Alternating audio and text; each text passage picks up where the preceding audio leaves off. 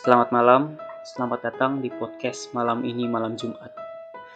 Pada podcast kali ini kita kedatangan tamu yaitu teman sekelas gua. Selamat malam Nathan. Selamat malam Pak. Sebelum memulai kisah kali ini, gue mau nanya dulu nih. Menurut lo, hal yang pertama terpikirkan ketika terlintas kata anak kecil itu apa? Anak kecil, anak kecil. Hal pertama yang langsung terlintas kalau gue dengar kata anak kecil itu sifat mereka yang polos. Mereka nggak bakal ngelakuin hal-hal yang jahat secara sengaja sih. Nah, tapi ada beberapa kisah mengenai anak kecil yang memiliki sifat seperti setan. Salah satunya adalah kisah pencikikan dua balita sampai mati yang dilakukan oleh anak kecil 10 tahun bernama Mary. Mungkin beberapa dari kalian mikir, ah mungkin gak sengaja kali, masa anak kecil bisa ngebunuh? Ya, gue juga tadinya mikirnya gitu. Tapi kenyataannya, setelah membunuh korban, Mary memutilasi kedua mayat balita tersebut. Dengan arti si Mary melakukan pembunuhan ini dengan sadar dan sengaja. Bayangin deh, waktu lu umur 10 tahun, kali lu masih sepedaan keliling komplek bareng teman-teman. Lah ini si Mary bisa ngebunuh dua balita tanpa rasa bersalah. Gila sih, nggak bakal bisa dibayangin. Nah, tapi kisah anak kecil ini bukan tentang Mary. Kali ini kami akan membawakan kisah mengerikan dari negara matahari terbit yaitu kisah pembunuhan yang dilakukan oleh anak perempuan kepada temannya sehingga memaksa pemerintah Jepang untuk mengubah hukum kriminalitas di negaranya. Kisah anak perempuan ini sempat tersebar luas di internet. Kisah yang terungkap beriringan dengan era internet modern yang berawal dari kisah tragis menjadi urban legend yang dijadikan suatu bahan candaan oleh internet. Langsung saja kita masuk ke dalam ceritanya. Ketika mendengar kata Nagasaki, yang terpikirkan pertama kali adalah peristiwa tragis mengenai akhir Perang Dunia Kedua. Dan sayangnya, kisah kali ini tidak mengubah persepsi tersebut. Di musim panas tahun 2004, pada suatu kota di Nagasaki bernama Sasebo. Waktu itu tanggal 1 Juni, murid kelas 6 di SD Okubo sedang bersiap-siap untuk makan siang. Kalian tahu kan kalau di Jepang itu muridnya menyiapkan makanannya sendiri untuk makan siang. Pada siang itu gak ada hal spesial, hanya hari biasa seperti hari-hari lainnya. Hanya saja guru kelas tersebut menyadari bahwa ada dua murid perempuannya yang tidak ada di kelas di kelas saat itu. Ya walaupun hal ini agak aneh, tapi hal itu gak begitu membuat guru tersebut khawatir. Tanpa mereka ketahui, pada kelas kosong ini di sebelah kelas mereka, sebuah tragedi berdarah akan segera terjadi. Tepat saat murid-murid menyadari bahwa ada dua temannya yang hilang, salah satu dari murid yang hilang tersebut kembali ke kelas. Hanya saja ada hal yang sangat mengerikan pada dirinya. Badannya berlumuran darah dan di tangannya ada cutter yang juga berlumuran darah. Gurunya mengira bahwa anak perempuan tersebut melukai dirinya sendiri dengan cutter tersebut. Namun ketika ditanya, jawaban anak perempuan tersebut membuat seluruh suasana kelas menjadi terdiam. Ini bukan darahku. Anak perempuan tersebut menunjuk ke arah lorong dan pada saat itu apa yang terjadi menjadi jelas. Anak perempuan satunya yang hilang, Satomi Mitarai, 12 tahun, terlihat terpurat dan berlumuran darah dengan luka 10 cm pada lehernya, dan luka sayat lainnya pada lengan dan tangannya.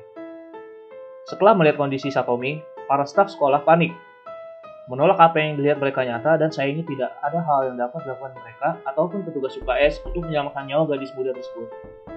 Satomi meninggal karena kehilangan banyak darah di lantai kelas sekolahnya sendiri. Sementara itu, Anak perempuan yang bertanggung jawab terhadap pembunuhan Satomi, sebut saja A, langsung diinterogasi oleh pihak kepolisian. Dan saat itu juga, kisah sepenuhnya akan terungkap. Mungkin dari kalian ada yang berpikir seperti ini. Ah, anak perempuan tersebut dikasih julukan A, pasti ceritanya palsu nih, cuma creepypasta dari internet. Mungkin lu bisa jelasin nggak kenapa anak perempuan tersebut diberi julukan tersebut? Jadi, Murid perempuan tersebut disebut A berawal dari hukum di Jepang.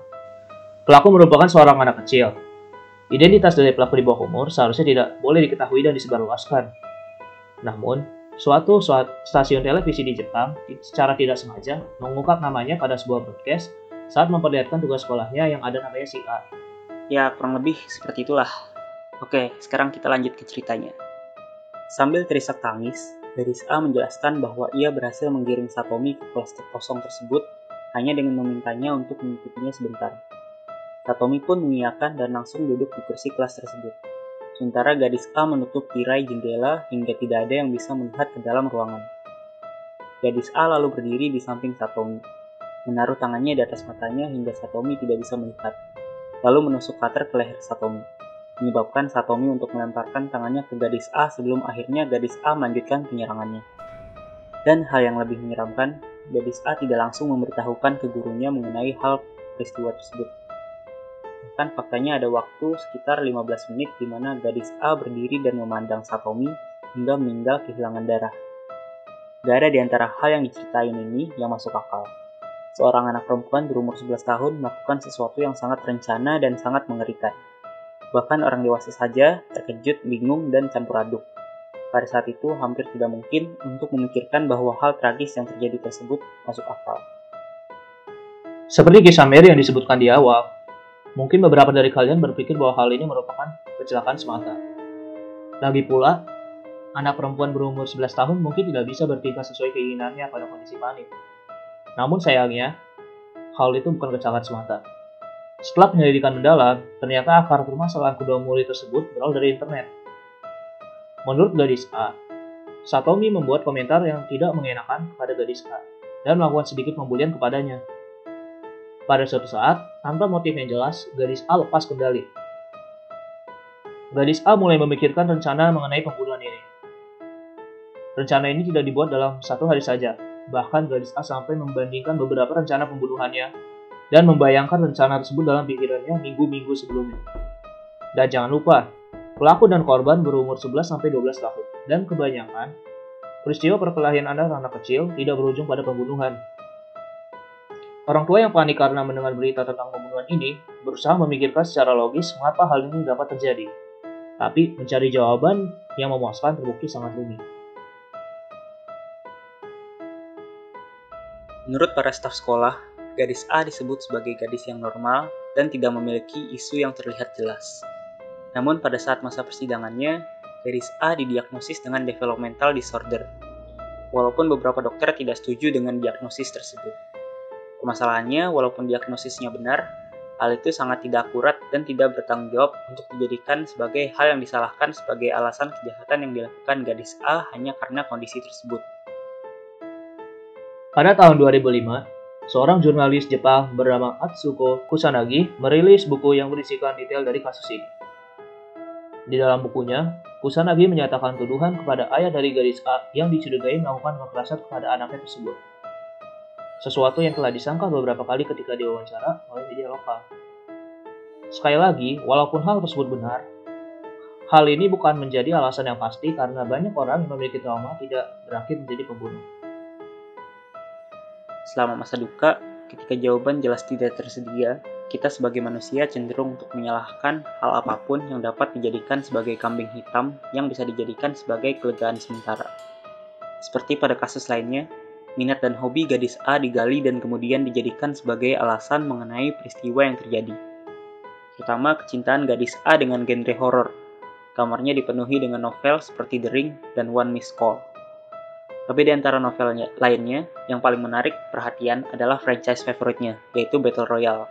Di mana Battle Royale adalah novel dan film mengenai sebuah kelas yang dipaksa untuk bertarung sampai mati hingga tersisa satu orang. Seperti Hunger Games, namun keluaran tahun 1990-an dan rating dewasa. Nagasaki Shimbun melaporkan beberapa hari setelah pembunuhan tersebut bahwa gadis A merupakan penggemar novel dan film adaptation. Dan yang menarik perhatian banyak orang adalah fakta bahwa bulan Mei tahun tersebut, anak perempuan tersebut membuat fanfiction tentang Battle Royale. Artikel yang sama juga menyebutkan suatu bagian dari cerita horror fiksi ditemukan di bookmark pada komputer gadis A. Sebuah urban legend internet yang dikenal dengan Red Room. Jika kalian pernah mendengar istilah ini, mungkin kalian akan memikirkan mengenai dark web dan hal lainnya. Namun, Versi yang ditemukan ini sedikit berbeda. Red Room yang dimaksud di sini melibatkan sebuah kutukan yang mencari korbannya melalui pop-up online. Yang bertanya, Do you like Red Room? Konsekuensi utama kutukan Red Room adalah korban akan terhasut untuk bunuh diri, yang menghasilkan ruangan penuh darah. Oleh karena itu, disebut sebagai Red Room. Sekali lagi, Red Room hanyalah creepypasta yang telah diadaptasi ke game menggunakan engine Flash dan hal itu tidak bisa dijadikan suatu alasan dari peristiwa tersebut. Setelah semua hal dipertimbangkan, bukanlah suatu hal yang tidak biasa bahwa gadis A yang merupakan seorang penggemar horor juga juga akan tertarik dengan hal seperti Red Room. Para orang tua dapat menjadikan apa pun sebagai kambing hitam untuk disalahkan. Namun pada akhirnya hal tersebut tidak akan membantu mencegah peristiwa seperti ini untuk terjadi lagi. Faktanya peristiwa ini bukan pertama kalinya yang terjadi di area sekitar Nagasaki. Menurut New York Times, hanya setahun sebelum peristiwa tersebut, anak laki-laki 12 tahun dituduh menculik, menganiaya, dan membunuh balita. Dan pada tahun 2001, Jepang menurunkan umur responsibilitas kriminalnya dari 16 tahun menjadi 14 tahun. Hal ini terjadi karena pemenggalan seorang anak berumur 10 tahun oleh anak berumur 14 tahun. Kasus gadis A dikenal dengan peristiwa penyayatan Sasebo, menghidupkan kembali percakapan nasional berujung pertanyaan mengenai umur legal responsibilitas kriminal harus diturunkan sekali lagi. Namun pada akhirnya hal itu tidak pernah terjadi. Seperti yang dijelaskan mengenai julukan gadis A tadi, foto kelas yang di dalamnya terdapat foto gadis A dan Satomi juga tersebar luas di internet. Dan di dalamnya, gadis A biasanya menggunakan sebuah hoodie. Hoodie yang berasal dari Universitas Nevada di Amerika. Walaupun hubungan antara gadis A dan Universitas Nevada tidak jelas, Meskipun begitu, hal tersebut sudah menjadi bagian dari julukan persona online. Walaupun namanya sudah tersebar karena salah satu stasiun televisi Jepang, internet menjulukinya dengan nama Nevada Tan. Nevada berasal dari hoodinya dan Tan yang merupakan bahasa bayi dari Chan. Tidak lama kemudian, Nevada Tan menjadi bahan candaan, komplit dengan fan art dan cosplaynya. Banyak yang berpikiran bahwa kisah anak perempuan yang bisa melakukan hal yang sangat buruk tersebut lucu.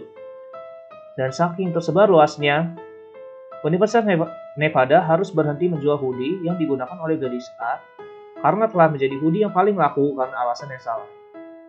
Nevada Tan disebut sebagai pembunuh trimut di Jepang. Dan mungkin hal tersebut sangat membingungkan bagi kalian walaupun seharusnya tidak begitu mengagetkan mengingat sebutan tersebut berasal dari internet. Bukan hal yang baru bagi seluruh orang bahwa humor edgy sangat terkenal di komunitas internet.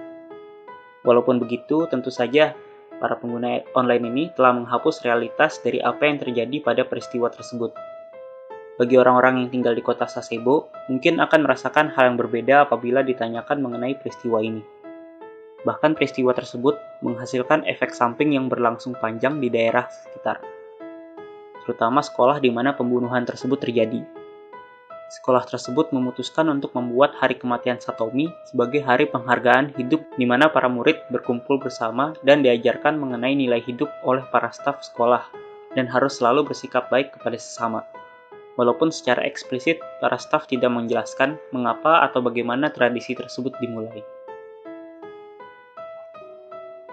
Walaupun ini terdengar berlebihan, namun 10 tahun semenjak pembunuhan Satomi, pembunuhan antar murid yang berbeda terjadi lagi dan di kota yang sama.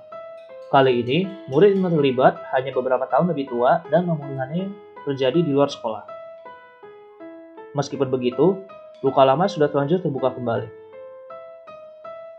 Kasus tersebut dan peristiwa pada tahun 2004 tidak berhubungan sama sekali dan Sasebo juga bukan tempat yang memiliki tingkat kekerasan pada remaja tertinggi. Tapi mengingat hal ini, ditambah kasus tidak berhubungan lainnya, sedikit mudah melihat banyaknya orang tua yang lebih mudah khawatir dan panik walaupun dengan hal yang tidak logis. Pada akhirnya, walaupun fakta ini sangat sulit untuk diterima, tidak ada cara lain yang dapat memprediksi kejadian seperti ini. Tidak ada cara yang tepat untuk mencegah hal seperti ini untuk terjadi lagi. Dan untuk banyak orang, Fakta ini saja cukup melumpuhkan. Pada tahun 2008, gadis A atau julukan internetnya Nevada Tan dibebaskan dan kembali bergabung dengan masyarakat umum dengan nama baru dan kiranya mempunyai jalan hidup yang baru. Untuk informasi mengenai di mana keberadaannya sekarang, tidak ada seorang pun yang tahu. Dan kita hanya dapat berdoa agar Nevada Tan tidak pernah menyakiti seseorang lagi. Ya begitulah kisah dari pembunuh trimut di Jepang ini. Hanya karena kita tidak tahu keberadaannya sekarang, sudah cukup untuk membuat kita paranoid ketika berada di Jepang. Bukan yang gak mungkin juga bahwa dia sekarang berada di, di Indonesia. Beberapa kasus lain yang terjadi di Sasebo juga pastinya menciptakan luka terdalam pada daerah sekitar. Sampai sekarang, sudah pasti banyak orang tua yang merasa khawatir pada anaknya sebelum sekolah. Ya, seperti yang sudah dibilang tadi, tidak ada cara mutlak yang dapat mencegah peristiwa ini untuk terjadi lagi. Jika pada akhirnya terjadi lagi, itu bukanlah menjadi hal yang aneh. Kisah tragis Nepadatan ini menarik juga ya. Selama ini kita belum pernah nge-cover tema kasus kriminal. Hmm, mungkin ke depannya kita bakal nge-cover kasus kriminal lain yang gak kalah menariknya dengan kasus Nepadatan. Boleh banget tuh. Ya, kita akhiri saja podcast pada malam hari ini. Sampai jumpa pada podcast selanjutnya. And remember that you are not alone.